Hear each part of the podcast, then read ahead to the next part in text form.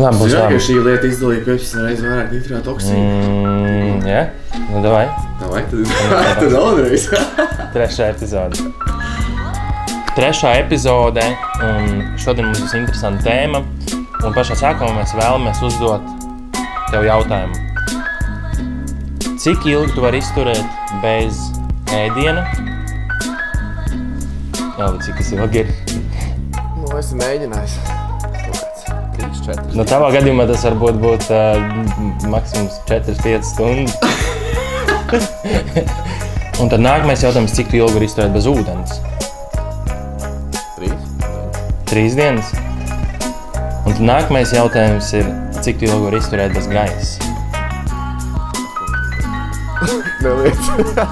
Un ir, ā, diemžēl, bez gaisa, vai par laimi, es nezinu, ir, mēs varam izturēt cits pāris minūtes. Tas, kurš ir ļoti attīstījis šo prasmi, bet pārsvarā, nē, tas ir pāris minūtes cilvēku, kur izturēt bez gaisa, bez elpas. Un tāpēc mēs šodien arī parunāsim par elpošanu, jo tā ir ļoti būtiska dzīves sastāvdaļa - elpošana un gaiss. Un tā tēma savalkās arī ar ļoti aktuālu mūsdienu tēmu, kas ir Covid. Un tad mēs sirds ir. jā. tas ietekmē mūsu visu dzīves, un tāpēc mēs vēlamies par to parunāt. Jo elpošana tieši var ietekmēt saslimšanu vai ārstēšanos. Un tad mēs vēlamies izstāstīt šajā epizodē, kā tas to ietekmē un kādus citus labos iegūmus pareiza elpošana dod, vai arī kā tā ietekmē mūsu veselību, produktivitāti tā tālāk, ja gadījumā mums nav šī pareizā elpošana. Mēs esam aizmirsuši jā, Jā. par to vispār. Mēs pat nepiedomājam par to. Tas pat elpas ikdienā nav jāpiedomā, tas notiek automātiski. Tad arī kāpēc, lai par to vispār uzzinātu, ko viņi dara, ko viņi labi, no- ka, ka, ka, ko viņi nodara mūsu organismam. jā. Tas arī nav interesanti. Tas tagad vienkārši notiek automātiski, tāpēc, nu, lai ir, nu, ķipa notiek viss. Mm.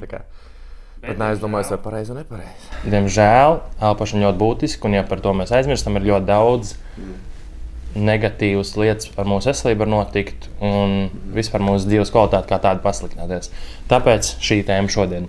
Un runājot kāda savākās ar Covid, tad es gribētu, Elvi, lai tu pastāsti par to, kas ir viena no metodēm, kā šo Covid var risināt, izārstēt, un kā tas savalkās ar elpošanu. Tas uh, ir interesanti lieta, to, ka es pats viņu kā nezināju no sākuma, vispār, ka, tā, ka tāda iespēja pastāv, bet man plus mīnus prātā tas pastāvēja, ka tas varētu ietekmēt to un kāds varētu tā kā, mūs, piemēram, nevis izārstēt pilnībā, bet iespējams palīdzēt mums tā.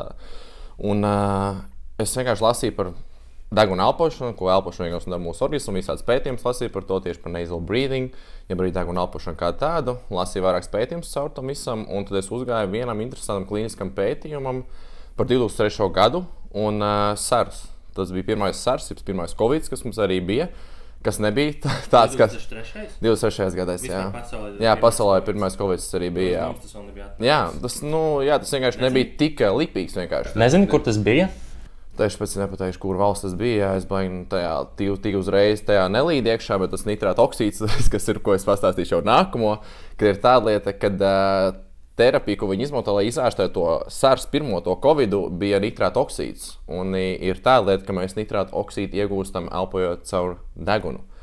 Mums sešreiz vairāk izdalās nitrāta oksīds, ja mēs elpojam caur degunu, nekā mēs elpojam caur muti. Un uh, ir tāda lieta, ka viņiem tieši tiem cilvēkiem, kā tādiem, vienkārši terapijā deva nitrāta oksīdu, vienkārši vairāk nitrāta oksīdu vienkārši deva, lai tos cilvēkus izārstētu. No to, ja mēs arī savā ziņā arī vēlamies izārstēt no šī covid, kas arī tagad šajā brīdī īstenībā notiek, ko es arī pēdējo klausījos podkāstā. Cil cilvēki, kas dabūja Nobela prēmiju par to, ka atklāja šo nitrātu oksīdu, jo kādreiz mēs likām, ka tā ir vienkārši gāze, kas neko nedara mūsu organismā, kas nav nekādas vērtības nedod, bet pašlaik mēs uzzinām to, ka viņa imūnsistēmai dod vērtības, viņa samazina mūsu pašā laikā palīdz mūsu asins plūsmu, asinsrītu uzlabojumu, tā lai līdz ar to viss ķermenis ir veselīgāks un tiek viss ķermenis enerģija apgādāts. Un, jā, un pašlaik šajā brīdī tieši no šī cilvēka arī dzirdēju, ka tiek veikti pieci klīniskie, pieci klīniskie pētījumi par to, ka uh, arī iespējams, ka šis varētu būt atrisinājums arī šim covidam, kas arī tagad pašlaik šajā, šajā brīdī arī notiek mums pasaulē, un kas apgrūtina mūs arī šajā brīdī. Jā.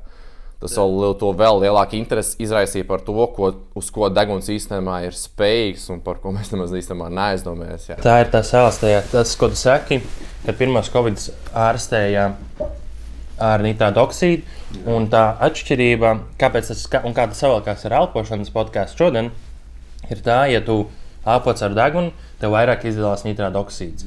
Un šis nitrāta oksīds palielina tev asinsriti, mm -hmm. paplašina asins. Paplašināts asins, jā. Jo ko veids, ko dara, viņš sašaurina. Viņš sašaurina plaušas, sašaurina plaušas, lai netiek skābeklis klāt, un to tu nobeidzies vienkārši. Tev asins vēl sašaurinās, nav sirdī asins plūsma vairāk, un viss mēs pazūdam vienkārši. Un, ja tev ir tās nitrāta oksīds, tu visu laiku ir asinsvadi plaši, un tev vēl laiku ir tie toksīni vai viss, kas tev ir iekšā, tas covid, kā tās baktērijas vienkārši cirkulēt un dabūt viņas ārā. Nevis viņas paliek organismā, un viņas sabiezina vēl vairāk šos asinsvadus, un tad veido jau orgānu bojājums un vispār asinsvadu trūkumu vienkārši sirdī kā tādai.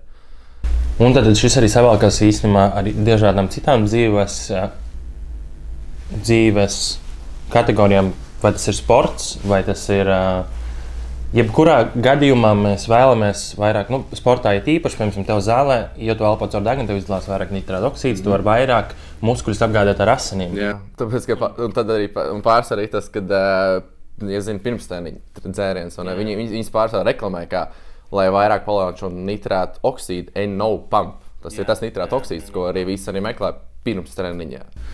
Jā, un tad mums pašiem ir šis prevorkauts vai pirmsterniņa līdzeklis, kas ir deguns. Jā, īstenībā. Jā, Jā, Taču, tev vienmēr tas ir, jā. līdz pri- Jā, lieto- ir līdzi. jā. Kāpēc pirms- vispār ņem? Kā- Tu lieto pirmsterniņu, jā. Un, um, tā ir tāda viena lieta, kas ir ļoti būtiska. Un vispār asins cirkulācija, kā mēs runājām jau iepriekšējos podkāstos, ir ļoti ves- tavai vispārīgai veselībai. Tam, lai tavs organisms tiek apgādāts ar nepieciešamām barības vielām un, un tā tālāk, lai ir tāpēc, viss organisms kāpēc- funkcionē. jā, Kāpēc mēs esam dzīvi? Jā. Tieši tā. Tas arī mums padara. Tāpēc par to ir ļoti būtiski piedomāt un to likt aiz auss. Un tad šī elpošana caur degunu to uzlabo. Tad šī podkāstā mēs koncentrējamies uz elpošanu caur degunu, salīdzinām ar elpošanu caur muti, cik ļoti būtiski tas ir. Mm. Un kādas vēlāk, gan kādas ir tās elpošanas metodas un ko tās tev dod. Uh, bet kā Covid savalkās tieši ar elpošanu caur degunu, ir tas, ka deguns strādā kā filtrs. Mēs visi rūpējamies par to, lai tagad mēs dezinficētu rokas pēc veikala un jeb, jebkurā sabiedriskās vietās, kurās mēs esam bijuši, jo mēs apgrābstam dažādas preces un ir iespēja saslimt tā, tādā veidā, dabūt to, tos mikrobus un covid. Un šī gadījumā mēs par to rūpējamies. Bet ir ļoti būtiska lieta elpošanai. Kāpēc elpošana tik ļoti ir? Kāpēc ir tik ļoti būtiska elpošana ar deguni? Ir tā, ka deguns strādā kā filtrs, kā jau minēju, bet tad, ja tu elpo caur muti, tev nav šī filtra. Mm.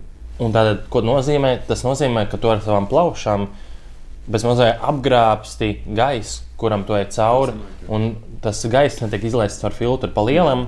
Plaušas sanāk bez mazliet kā ārējais orgāns, Jā. jo tajā brīdī, ja viņai nav deguns šis filtrs, tad viņai ir tieši saskara ar ārējo pasauli. Uzreiz, jā. Un viss arī mutē, visas toksiskās vielas, baktērijas paliek arī tajā pašā laikā. jā.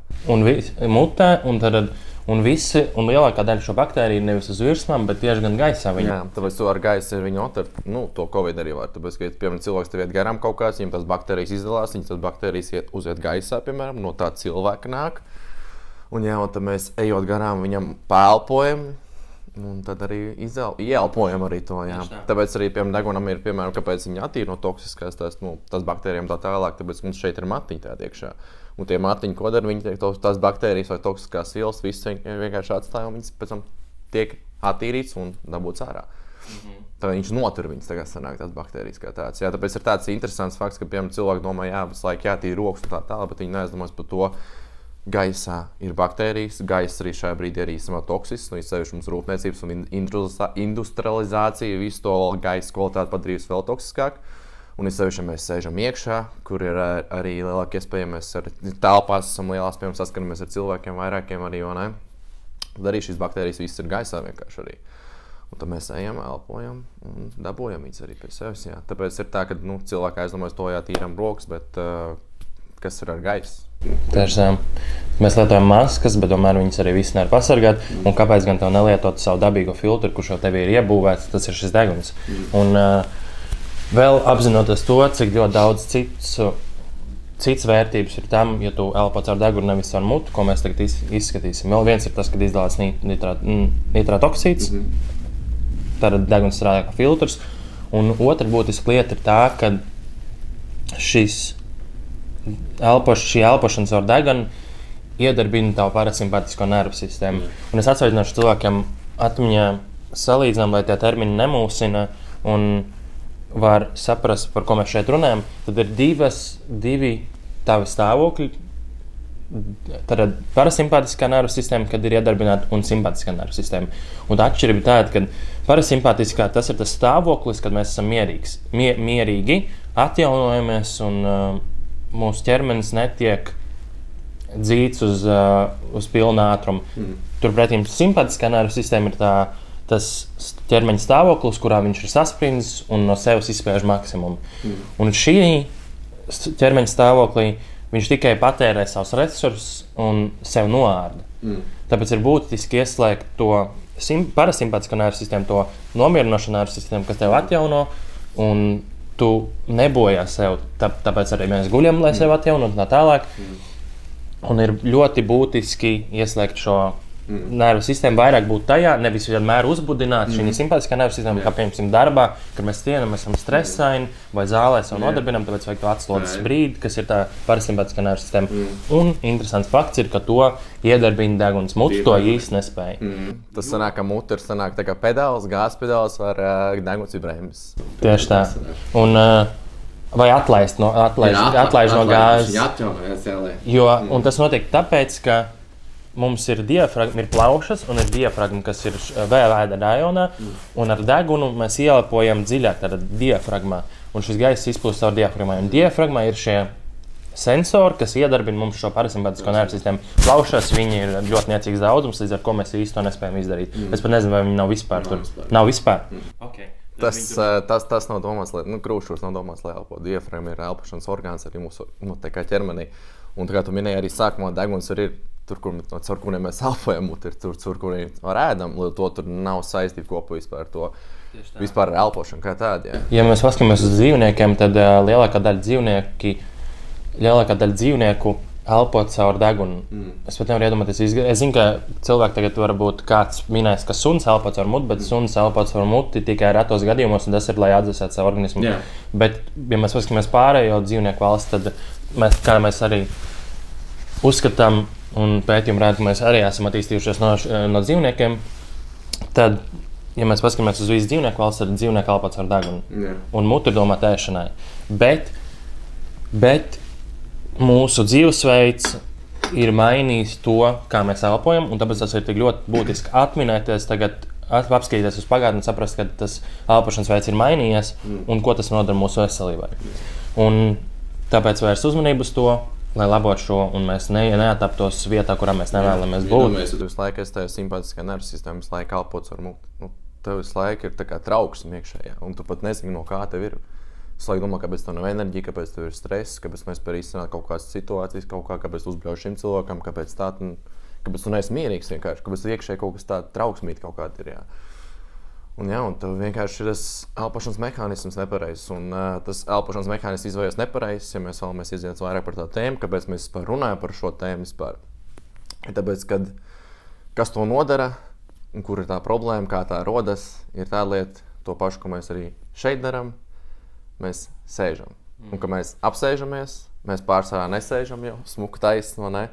Mēs pārsvarā nedaudz saliecamies. Mums vajadzētu sēdēt taisni, tā kā mēs runājam par šo podkāstu. Mm -hmm. Tad tas, ko tu saki, ir ā, mūsu dzīvesveids ir izmainījies. Jā. Un tas no, no dzīvesveida, kustīga dzīvesveida, ir mūsdienās pārtaps par sēdošu dzīvesveidu. Jā. Un tad, ko sēdešana izdara šī elpošanai, kāpēc, iz, kāpēc izmainās elpošana? Tāpēc, ka šeit ir diafragma, un ja mēs sēžam, un ja mēs noliecamies, mēs nospiežam diafragmu. Un ja mēs nospiežam diafragmu pa pusi vismaz, tad mums elpas arī sanāk tikai līdz pusē. Un kas ir? Kad mēs darām šādi, Kad mēs esam stresā. Stresā. un tas ir tas, kas arī notiek šeit. ka tu saliecies, tu saspied, ka cilvēkiem ir tās apaļās muguras. Vēl pie datora mēs sēžam, vēl vairāk arī trapeci saliecas, kas vēl arī kaklu saspiež. Tad vēl elpas vēl ir mazākas. Un tad ir šī stāja, kas ietekmē arī mūsu šo elpošanas mehānismu to un pārmaina. Un vēl kas ir telefons, ne? ko mēs ikdienā darām? Telefons. Un kas mums notiek? Mums ir galva lejā. ne? Tad galva mums ir lejā. Tad mums ir tā lieta, ka mēs jau pirmkārt jau kaklu nospiežam no to. Mums nav taisnīgs virziens, ar ko elpa virzās. Līdz mums ir bremzēšanas mehānisms šeit, ka mums ir bremzēs elpa, kā mēs varam to izdarīt. Tā pašā laikā mums asins plūsma arī uz smadzenēm vairs nav tik daudz. Arī tā lieta, ka, to, ka tev ir tā mutu vaļā, Tur ir mehānisms tāds pārmaiņas, tāpēc ka šeit mums ir mazāks ielas, ko varam izdarīt.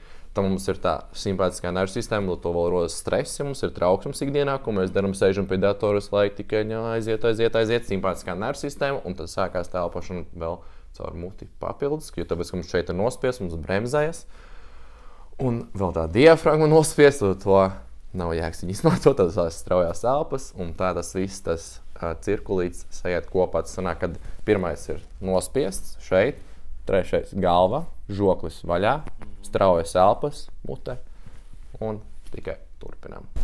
Jā, tad šī sēdešana izmaina, izmaina mūsu par to dabīgo veidu, kā elpot. Tas ir mm. caur degunu, un dēļ tā, ka mēs esam saspiesti. Mm -hmm. Mēs sākam nepareizi elpot, kā arī mainās mūsu skelets. Līdz ar to laika gadā, gaitā mēs at, attīstām sejas formas tādas, ka mums samazinās šie elpceļi degunam. Jā.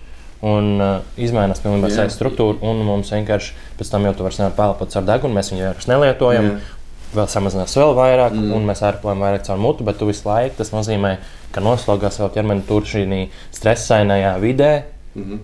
Un tādā brīdī tu sev noārdi. Un yeah. stress ir bezmazliet pirmais solis jebkādam citam slimībām kroniskām un lielām. Yeah.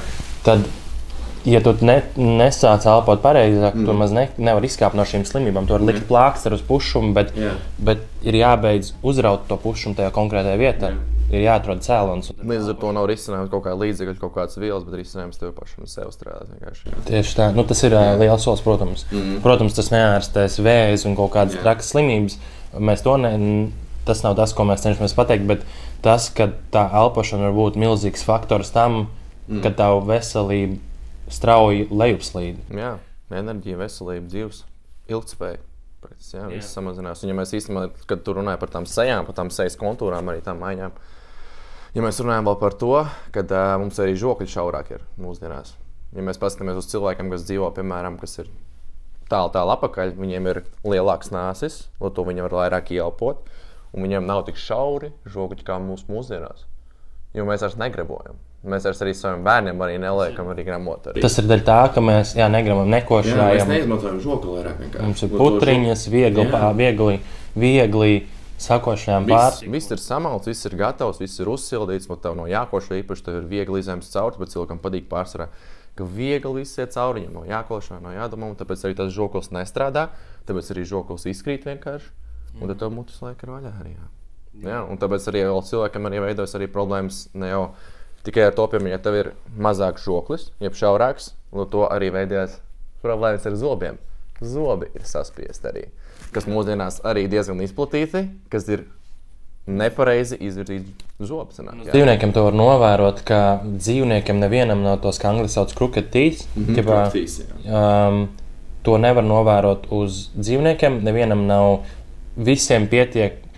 Visiem zobiem pietiek vieta žoklī, yeah, yeah. bet mums tā, jā, nepietiek. Tāpēc tie zobi sāk augt šķīvi, yeah. vajag platīts, mm. brekets un tā tālāk, mm. vai raut ārā gudrības zobus. Bet tas tikai tāpēc, ka mums laika gaitā samazinās šis žoklis. Yeah. Bija visu laiku bija vieta šiem zobiem, bet tā jā. kā ir mainījies mūsu dzīvesveids, mm. mainās arī žoklis, un tāpēc ir jārauj ārā. Jā. Bet tā kā ilgtermiņā šī problēma netiek labota, tad jā. tas ir liels, man liekas, veselības.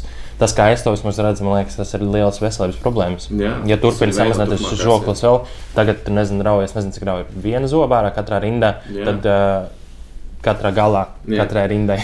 Tur ir divi zobi vienā rindā. Sanāk. Jā. Tad pēc nezinu, gadiem varbūt būs jārāda četri ārā, jā. tad elpoceļi būs vēl mazāk. Vairāk, vairāk, mazāk, un to vairāk saspiedu, to vairāk nevar elpot. Jā. Mēs paliekam vājāk un sev novājinām. Novājinām. Un es sevišķi tas arī īstenībā, ja tā, tā mūsu elpošana kā tāda sevišķi veidojas tiem bērniem.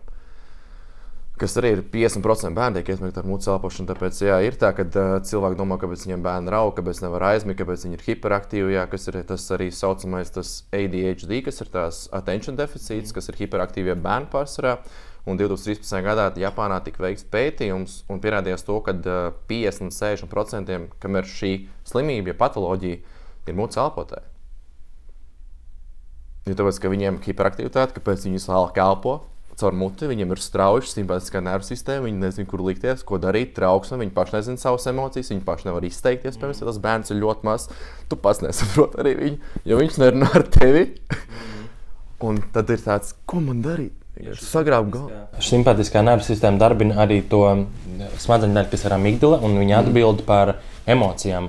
Un tieši trauksmi un stress Mm. un uh, dusmām. Emocijas, dusmas, viss agresivitāte. Un zini, kas ir tas, kas noslēpē, par ko mēs runājam, kas ir tā maziņa priekšējā daļa. vai ne? Ka priekšējā daļa ir tā, kas ir racionāls domātais, kas ir tas neokorteks, kas attīstījies un iet pāri tajā migdalai. Ir tāda lieta, ja tu elpo caur muti, tu vispār pat nepievirzi asins plūsmu uz priekšējo smadzeņu daļu, un viņi atrofējas lēnām. Mm. Un tas ir tas trakākais, vai ne? ka tu vienkārši to, kas var piespiest bremzi, tu caur to elpošanu vēl vairāk viņi tā kā. Jā. Nē, tu nav vairs. Nav vairs to Tu brīvību. bojā savu smadzenes arī tad sanāk ar šo elpošanu, mucu Jā. elpošanu. To es gan nezināju. Jā. Ļoti interesanti. Jā, un uh, tas arī savalkās tāpēc ar to, ka tavs fokus pasliktinās, atmiņa pasliktinās, un tas aiziet tā tāda ķēde, Jā. ķēdes reakcija aiziet, mm. visas vis savas uh, kognitīvās spējas Jo zūd pasliktinās. jā. Jo asins plūsma ir nepieciešama, lai pabarotu smadzenes. Ja nav šis nitrāta oksīds, nav asins plūsma, nav pabeigšanās asinsvada, nav arī no to smadzenēm, nav kognitīvās spējas, nav enerģija. Un atrofējas vienkārši. Visiem mēs lēnām tā kā pazūd. Jā. Viņam nedod. Ok, un um, kas ir tās lietas, kas vēl tiek uzlabotas tajā brīdī, ja tu elpo ar mutu tieši saistībā ar kognitīvajām spējām? Tad ir fokus, atmiņa, mm -hmm. kas vēl ir tās lietas? Nu, jā, vispār. Koncentrēšanās spējas, enerģija tev ir vairāk līdz to, jo tāpēc, ka, ja mēs iedomājamies, ja cilvēks, nu, piemēram, sēž un neko mēs arī runājam, kas ir tas mehānisms, kā viņam izveidojas, tas nepareizais elpošanas mehānisms ir tā, liek, kad arī ir tādi, tādas interesants pētījums, arī, ko es arī pats rakstot savu grāmatu, sastapos ar to, ka es pētnieciski skatījos, nu, tad, cik tad ilgi reāli tas cilvēks sēž dienā, cik tam reāli mēs ilgi pat nu, tā kā to darām. Un Kāpēc tad reāli tā problēma mums to ir, tas ar to elpošanas mehānismu? Un pēc tam es skatījos pētījumus, un uh, es biju šokēts. Mēs sēžam praktiski pusi no savas dienas. Pusnes savas dienas. 9 līdz 12 stundas mēs sēžam Jā. ikdienā. Protams, tas ir atšķirībā no kurš cilvēks, bet Jā. vidēji Vidēji. 9 līdz 12 stundas. Jo, ja mēs tā padomājam, tā arī īstenībā ir. Jo tāpēc, ka, ko mēs darām? Mēs aizjām uz oficiālu, mēs tur sēžam. Vienīgais brīdis, kad mēs pieceļamies, kad mēs aizjām pēc kafijas vai kaut kur, vai lai mēs aizbrauktu no vienas vietas uz otru vietu, vai nu uz veikalu, tu aizbrauc pakaļ kaut kam, bet tik un tā, tu jau mašīnā sēdi, lai tu brauc tā kā sēdi. Tā kā ie- ieej veikalā, iznāc ārā to kā sēdi. To kā izai no veikala, tu iespējams izkārto savus produktus mājās, a, ko tu darīsi pēc tam. Tu iesaki sēdēt, tu iesaki strādāt. Pēc tam tu atkarā ēdīsi vakariņas, sēžot, mm -hmm. skatīsies seriālu, sēžot, un tad ies gulēt, Kas ir 8 stundas? Jau? kas ir atkal 8 20 stundas tu visu to dari, sēdi guli, un 4 stundas, 3 stundas tu kaut ko iespējams kaut kā aktīvi pakusies padari. Nu, vismaz izējot no duša ārā vai kaut kur. Nu, kā pārējot no vienas uz otru. Ja mēs patinām laiku atpakaļ, tad tas uh, desmit gadu atpakaļ tā nemaz nebija. Mūsu senči mm. daudz kustīgāk bija. Jā. Visu laiku fiziski nodarbojas. Mēs patinām tūkstošiem gadus atpakaļ. Mm. Cilvēks laiku uzstājās. Jā. Gulēja tad, kad gulēja, mm. un sēdešana ir bija maza. Un, ja bija tā sēdešana, tad sēdešana bija bez balsta, mm. kas ir atkal viena, Jā. viena lieta, kas savākās. Bet to varbūt Jā. pašā beigās pie to risinājuma Jā, bet- izstāstīsim. Bet, Bet interesantākais ir tas, ka uh, īstenībā neatģi. Es, ne? es tieši arī lasīju par to. Arī. Es tā domāju, es laikam mēģināju to salikt kopā. Piemēram, ja mēs sēžam 9, 12 stundas, cik tā mūsu senčs to darīja. Jo pārsteigts jāskatās atpakaļ. Jā. Ja mēs šo darām tagad mūsdienās, un, ne, un tas rada mums to problēmu, tad reāli jāpaskatās atpakaļ, ko tad tie mūsu vecie senči darīja, kur tas, tas mūsu ķermenis arī radās, ko viņi ir darījuši.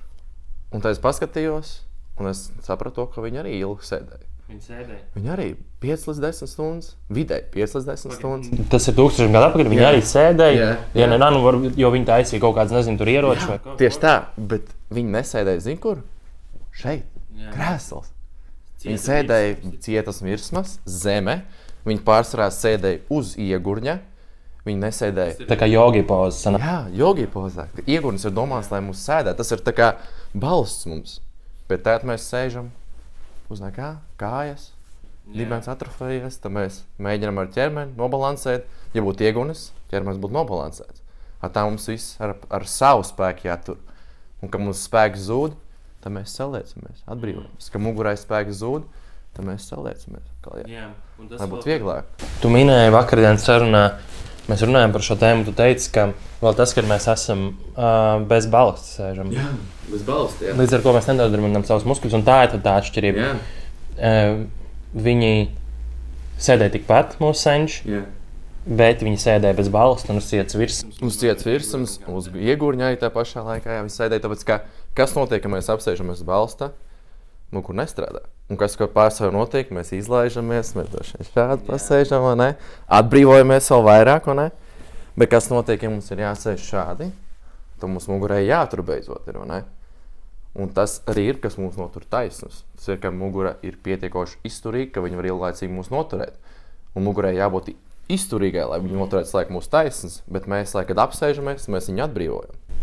Man liekas, mēs vairs nākamajā podkāstā nedrīkst sēdēt uz mīkstiem. Mums būs tā daļa, tā, ka mēs šo pau- tā kā sludinām pasaulē. Tad uh, mums uz mums, mums, mums vai nu uz grīdas jāsēž, Jā. vai nu uz uh, taburetiņa. jā.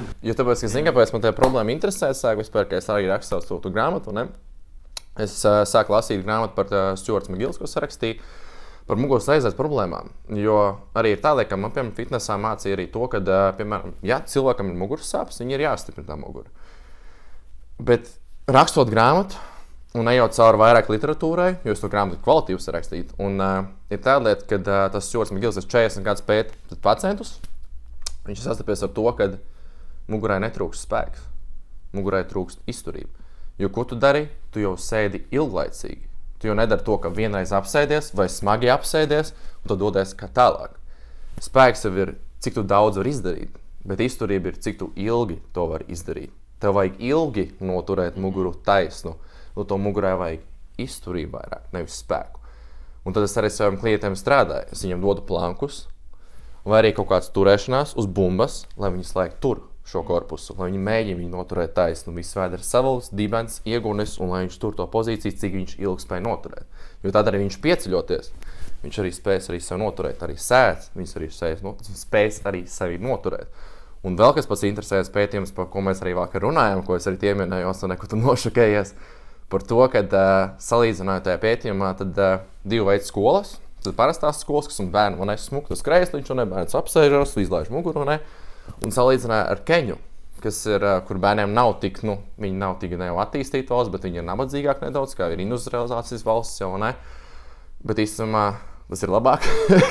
kaut kā, sorry, bet tas kaut kā ziņā, tas īstenībā, ka viņi dzīvo tā kā veclaicīgākā, tā kā dabīgākajā ceļā, un viņi īstenībā laimīgāk arī, es domāju, kā, kā cilts arī, ka viņam nav tie telefoni, kas mums varētu to trauksmu iekšējo ikdienā, vai ne? Bet labi, pat par to. Ir tā, ka viņi sēž bez balstiem, un tie skolnieki sēž ar balstiem. Un tad salīdzināja, cik tad atšķirība, kas, kas ir tā atšķirība, kāpēc tie, tie kā, cilvēki ir taisnāki, un un mēs esam tādi šķīvāki. Un viņam salīdzināja šo muguras izturību tieši, un salīdzinot to muguras spēku. Un Keņā tiem bērniem bija 40% spēcīgāk muguras muskuļi. Nē, ne jau spēcīgāk, atvainojos, bet izturīgāk muguras muskuļi nekā tiem bērniem, kas sēdēja ar balstu. Tā, tas ir uh, mū, tie, kas dzīvo mūsdienu pasaulē, tā kā, mm. nu, tādā pasaulē kā mēs. Mm. Tad mums visiem mums ir Jā. par keņas džekiem, mums ir vajag Jā, nu, jā. mazāk izturīgs Iedomājies, jā, Ja tas ir, tu vakar devi labu piemēru, tas ir salīdzinājums ar, ja tu gribi skriet maratonu, tu trenēsies. Uh, tu trenēsies, tu trenēsi savu izturību, mm. bet nevis savu spēku sirdī, Jā. bet gan elpošanu un to, cik tu ilgi, ilgi vari izvilkt, tā, cik tavs muskulis, cik ilgi tavs muskulis spēj darboties. Un tad ir tas pats salīdzinājums uh, ar šo muguru. Mums nav nepieciešams spēks lielāks mugurai. Mugurai pietiekami daudz spēks, bet mugurai, mūsu mugurām nav pietiekami liela izturība. Jā. Jo mēs viņu nevingrinām vispār. Un Tāpēc viņi atbrīvojas. Visur tik cilvēks atbrīvojas. Jā. Mm. Jā, un vēl kas ir interesanti, runājot par sportu un elpošanu ar degunu, tas, ka daudz lielāka izturība ir, tu kā spēj ātrāk atjaunoties. Mm -hmm. Uh, un ir lielāka izturība. Un Jā. tad mēs par šo abi bijām runājuši. Mēs uh, to, kā sauc to grāmatu, kur mēs lasījām? Uh, James Nestors. James The Last the Art of, of Breath. Nē, Ref? The New Science of Lost Art. Un tā grāmata saucās Breath. Jā, Jā. jā. Nu, vidēji brīdī, kad tas čels vienkārši rakstījis grāmatu zinātnīs par to, uh, tikai par tīru par elpu. Un vēl viens cilvēks ir Patriks Makovens, Oxygen Advantage, mm -hmm. kas arī strādā ar NFL atlētiem, un viņš strādā arī ar uh, militāriem. Tad spēcīgā viņš arī strādā, un arī tiem cilvēkiem mācās fokusēties, koncentrēties tajā pašā laikā. Nu, ir tas, kad elpa nomierina ķermeni. Kā tev ierēģēs situācijā, kur ir trauksme, kur ir liesmas, kur ir cilvēki, kas mirst un kur tev ir jāšauj, tev jābūt mierīgam un tev jābūt koncentrēšanās spējām pietiekošam, lai spētu tajā video operēt. Jā. Un tad vēl kas ir, ko tā elpa dod, tā iespēja ātrāk atjaunoties un mm -hmm. lielāka darba spēja uzreiz. Mm -hmm. Viens bija tas kognitīvais fokus un uh, veiktspēja, bet ko tas vēl dod, arī fiziski lielāka izturība. Un tad, kad mēs šīs grāmatas izlasījām pavasarī, tas bija vasaras laikā, man liekas, mēs uh, ar šo tēmu saskārāmies Jā. un kopš tā laika esam praktizējuši savā dzīvēm. Un grāmatā es piefiksēju to savā prātā kaut kur atzīmē, bet es nepievērsu pārāk lielu uzmanību un nenovēroju tieši šo sakarību, kas ir šī izturība, fiziskā izturība. Un, uh, es turpināju savu dienas darbu, un manā dienas darbā mēs ar brāli Norvēģijā mums ir uzņēmums, un mēs taisam, palīdzam uh, pārvadāt dažādas priekšmetus. Un, uh, mums bieži vien ir jānes mēbeles, pieņemsim, uz kaut kādu 6. un 5. stāvu. Un es biju pasācis piedomāt pie tā, lai pat pie slodzes es turpinātu elpot caur degunu. Lai gan ir instinktīvi, tev ir vēlme elpot caur mutu, bet turpināt sevi, eh, turpināt tu, tur, turēt fokusu uz to, lai es elpotu caur degunu. Un es to darīju, to adaptēju šo elpošanas veidu, un es nepiefiksēju laiku. Es vienkārši tā turpināju darīt. Bet tad es vienā ar tevi saska- satikos, mēs pārunājām, kāda ir mūsu dzīve, ko mēs darām un tā tālāk. Un tu teici, zālē es tagad uztaisīju, pieņemsim, pietupienas, mm. turpini elpot caur degunu, Jā. un tu jau pēc pāris sekundēm esi at- gatavs atkal un tikpat daudz, ā, tikpat liels svāru un tikpat Tikpat, un tu teici, ka tu nošokējies par to, cik ļoti ātri tu spēj atjaunoties, ka nesalīdzinām ar mucu elpošanu. Un uh, tad es patienu atpakaļ, un es sapratu, ka es agrāk, kad nesu kādu laiku atpakaļ uz to sastāvu stāvu, tas mēbeles es uh, uznesu, un es biju aizcelts. Es gribēju apstāties un pēlpot.